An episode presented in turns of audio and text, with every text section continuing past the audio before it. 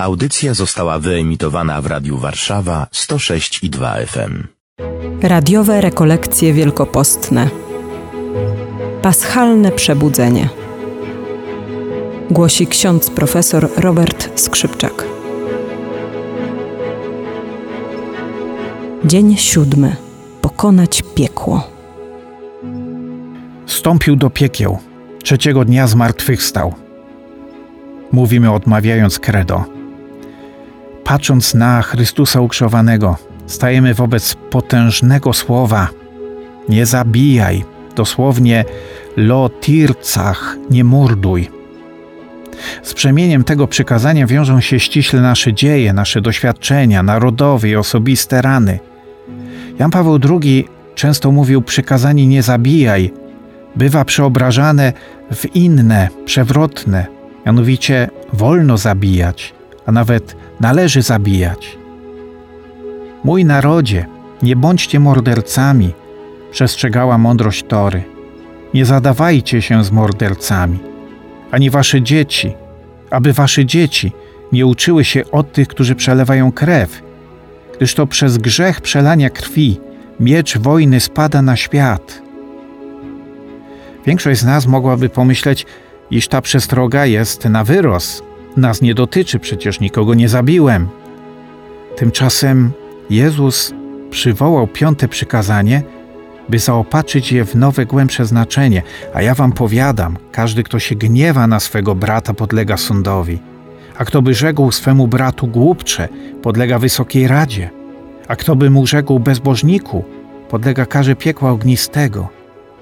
W tym kontekście Chrystus zachęca nas do wyjścia poza sprawiedliwość uczonych w piśmie i faryzeuszy, poza ich myślowe schematy i moralną płciznę.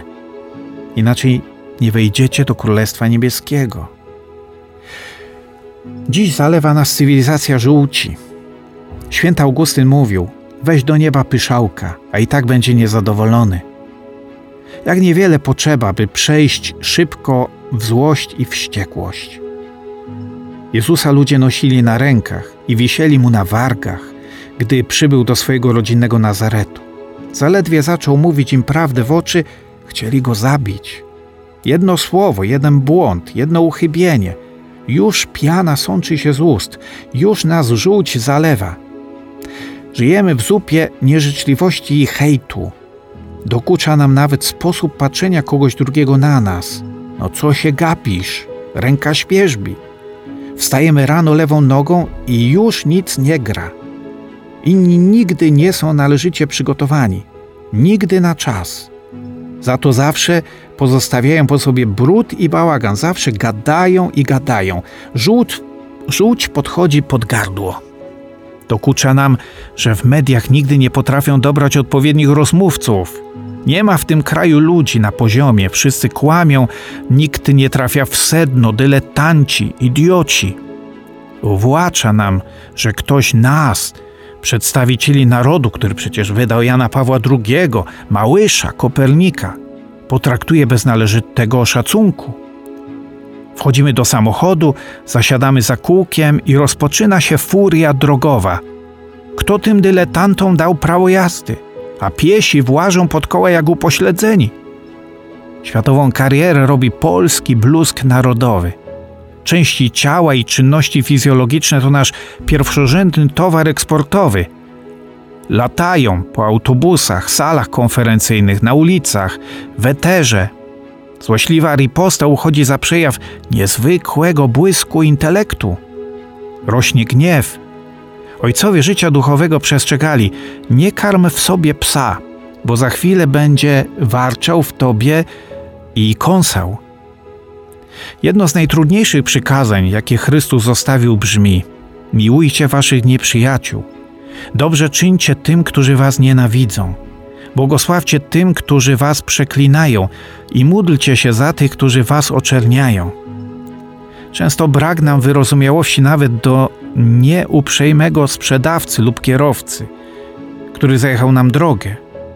Niewielu z nas potrafiłoby kochać kogoś, przez kogo straciło się pracę. Rzadko kto w swym sercu znalazłby miłość do sprawcy rabunku czy gwałtu. Aleksander Ogrodnikow jest jednym z najbardziej znanych dysydentów późnego sowietyzmu. Dziś y, przekracza siedemdziesiątkę. Ma twarz częściowo sparaliżowaną po pobiciu go w gułagu. Mimo, że nie został skazany na śmierć, władze sowieckie pozostawiły, postanowiły dać mu nauczkę, wysyłając go do celi śmierci z więźniami, którzy oczekiwali na najsurowszy wyrok. Pewnej nocy strażnik wszedł do celi ogrodnikowa ze strasznym wyrazem twarzy. Miał potrzebę zrzucić z siebie swą okrutną prawdę. Gdy byłem młody, brali dwudziestu albo trzydziestu księży i wyprowadzali ich na zewnątrz. Znowu telefon mi dzwoni, muszę znowu powtórzyć, przepraszam. Uwzięli się dzisiaj. Miał potrzebę zrzucić z siebie straszną prawdę. Gdy byłem młody, brali dwudziestu albo trzydziestu księży i wyprowadzali ich na zewnątrz. Zaprzęgali ich do sani kazali im ciągnąć je w głąb lasu. Nad bagnem ustawiono ich w dwuszereg. Byłem jednym z pilnujących ich strażników. Jeden z kagiebistów podchodził do pierwszego księdza, pytał go cicho i spokojnie, czy jest Bóg? Ksiądz odpowiadał, że tak. Wtedy strzelał mu w czoło, także mózg rozpryskiwał się na księdzu, który stał za nim. Tamten spokojnie ładował pistolet, szedł do następnego księdza i pytał: Czy Bóg istnieje? Żaden z tych księży nie zaparł się Chrystusa, mówił powstrzymując łzy. Inny duchowny spędził 14 lat jako więzień polityczny w komunistycznej Rumunii. Poddawano tam ludzi obłokańczym torturom, aby całkowicie zniszczyć w nich psychikę, a potem przerobić ich na posłuszne obywateli Republiki Ludowej. Mówił o młodym chrześcijaninie, przez wiele dni przywiązanym do krzyża. Dwa razy dziennie krzyż z przywiązanym mężczyzną kładziono na podłodze, a stu innych więźniów było zmuszanych przez strażników do załatwiania się na niego. Potem krzyż podnoszono, a komuniści szydząc i przeklinając wołali Patrzcie, wasz Chrystus, patrzcie, jaki piękny, adorujcie Go, klękajcie przed Nim.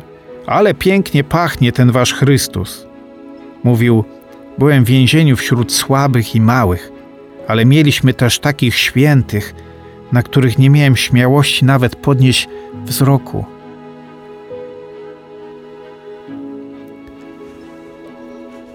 Inny rumuński duchowny opowiadał o śmiertelnie chorym na gruźlicę współwięźniu. Miał tak mało sił, że ledwie mógł mówić, ale każde słowo, które wypowiadał do swoich współwięźniów, mówiło o Chrystusie. Pozostali byli pod wielkim wrażeniem jego codziennej modlitwy, a nawet samego widoku jego twarzy, jak mówili, przepełnionej miłością. Przez trzy lata spędzone w więzieniu był tak okrutnie torturowany, że został z niego strzęp człowieka. Ale nie przeklinał swoich oprawców i całymi dniami się modlił.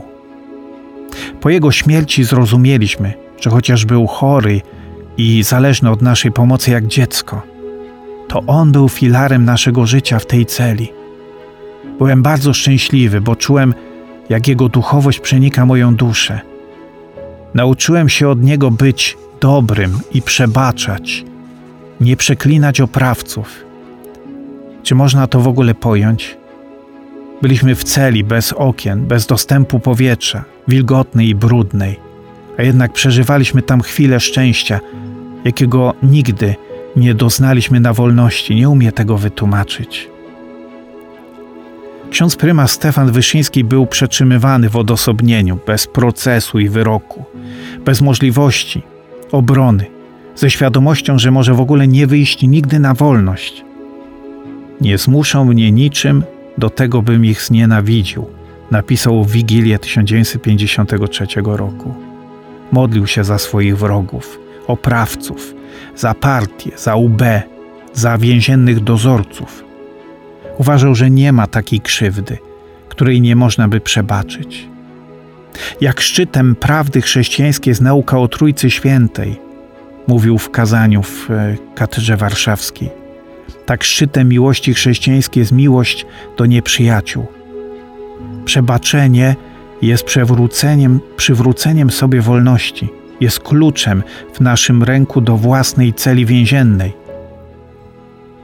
Skąd bierze się ta nadludzka miłość, zdolna zdobyć się na tego typu przebaczenie? Dostojewski pisał: Grzech cuchnie, ale smród zniknie, gdy tylko wzejdzie słońce. Grzech przemija, Chrystus jest wieczny. Nasz lud ulega wielu grzechom, ale ma jedną ideę, jedną prawdziwą miłość. Jest nią Chrystus. Czekamy na Chrystusa. Czekamy na Jego przejście. Czekamy na Paschę.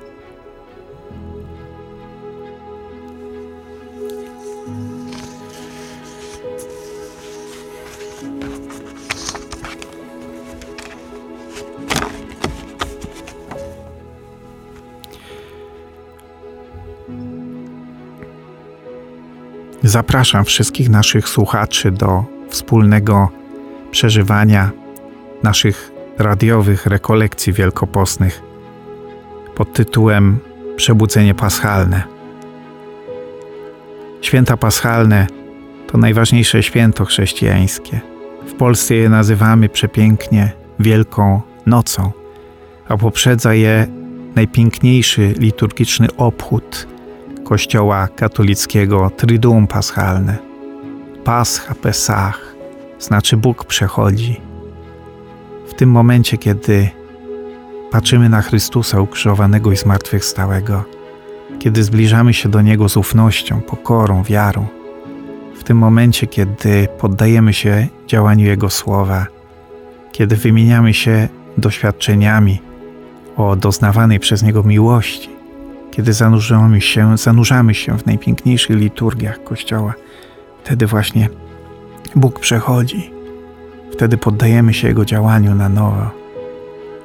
Dzisiaj być może jak nigdy dotąd potrzebujemy, żeby Chrystus przechodził przez nasze uczucia, przez nasze nerwy, przez nasze rozczarowania, przez nasze zaciśnięte wargi i pięści przez nasze skołatane serce i myśli, przez nasze relacje, przez całą tę sytuację, w jakiej tkwimy, przez e, pomruki wojenne, poprzez e, także niepokój, który żywimy, patrząc na to, co się dzieje nieraz w naszym kościele, w naszych rodzinach, z naszymi najmłodszymi przyjaciółmi.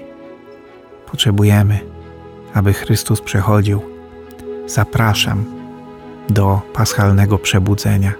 Zapraszam na rekolekcję. Ksiądz Robert Skrzypczak. Radiowe rekolekcje wielkopostne. Paschalne przebudzenie. Głosi ksiądz profesor Robert Skrzypczak.